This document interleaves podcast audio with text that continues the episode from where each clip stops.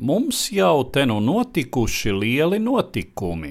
Pirmdien atklājās un stādījās priekšā neatkarīgā Latvija, kuras skatīties un klausīties es arī biju aizgājis ar visu kāsu.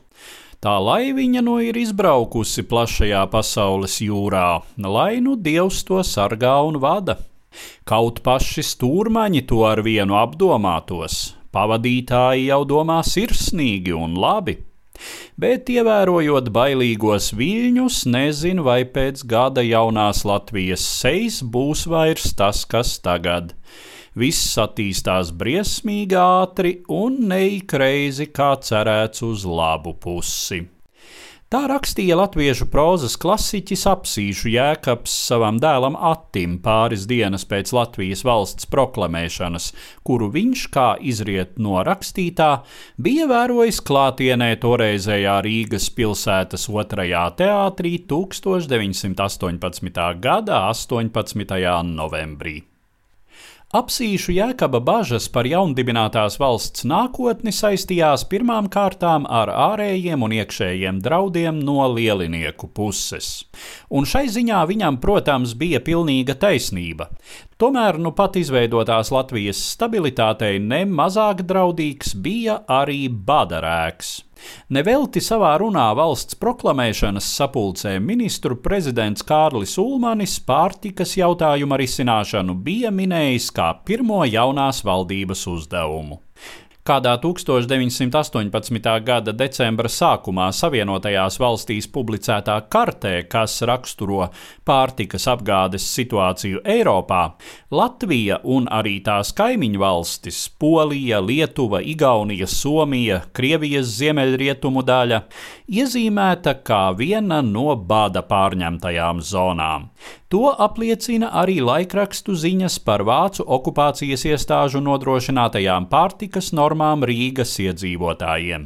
1918. gada novembrī katrs rīdzinieks varēja saņemt ceturdaļmārciņu maizes un piecas astotdaļas mārciņas kartupeļu dienā. Pārreķins gramos var nedaudz atšķirties atkarībā no tā, vai tika izmantota Krievijas vai Vācijas standarta mārciņa, bet jebkurā gadījumā normas nepārsniedza 125 gramus maizes un apmēram 300 gramus kartupeļu. Latvijas lauksaimniecību karš bija skāris smagi. Kurzemi un zemgali lielā mērā iztukšojusi bēgļu kustība, savukārt stāvokli agrākajā frontes zonā gar Daugavu raksturoja kāda vēstule izdevumam līdums no Sēlpils puses. Agrākajos tīrumos līkumo plašas tranšeju sistēmas un vīd šāviņu bedres, un līdz pat 75% zemnieku saimniecību iznīcinātas visas ēkas. Zemnieki mitinās zemnīcās un pat sakņu pagrabos. Vācu okupācijas iestādes bija visai nežēlīgi eksploatējušas Latvijas lauksaimniecību, un, kā vēlāk atmiņās vēstīja daži pagaidu valdības darbinieki, nebūtu nesteidzās ar savu krājumu nodošanu Latvijas valdībai, toties apgādes funkcijas gan steidzās pārlikt uz tās pleciem. Visu vēl sarežģīja bēdīgais transporta stāvoklis, lokomotīvju un vilcienu sastāvu trūkums, dažviet kara bojātie tilti.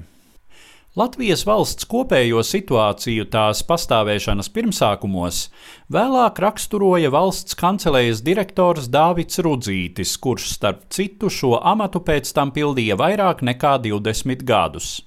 1924. gadā viņš rakstīja: Grūti stādīties sev priekšā, vai ir bijusi pasaulē kāda valdība, kura atrastos bēdīgākā stāvoklī par mūsu pagaidu valdību.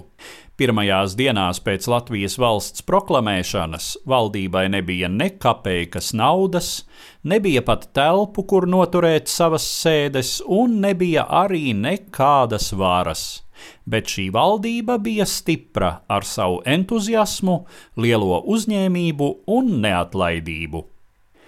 Stāstīja Eduards Liniņš.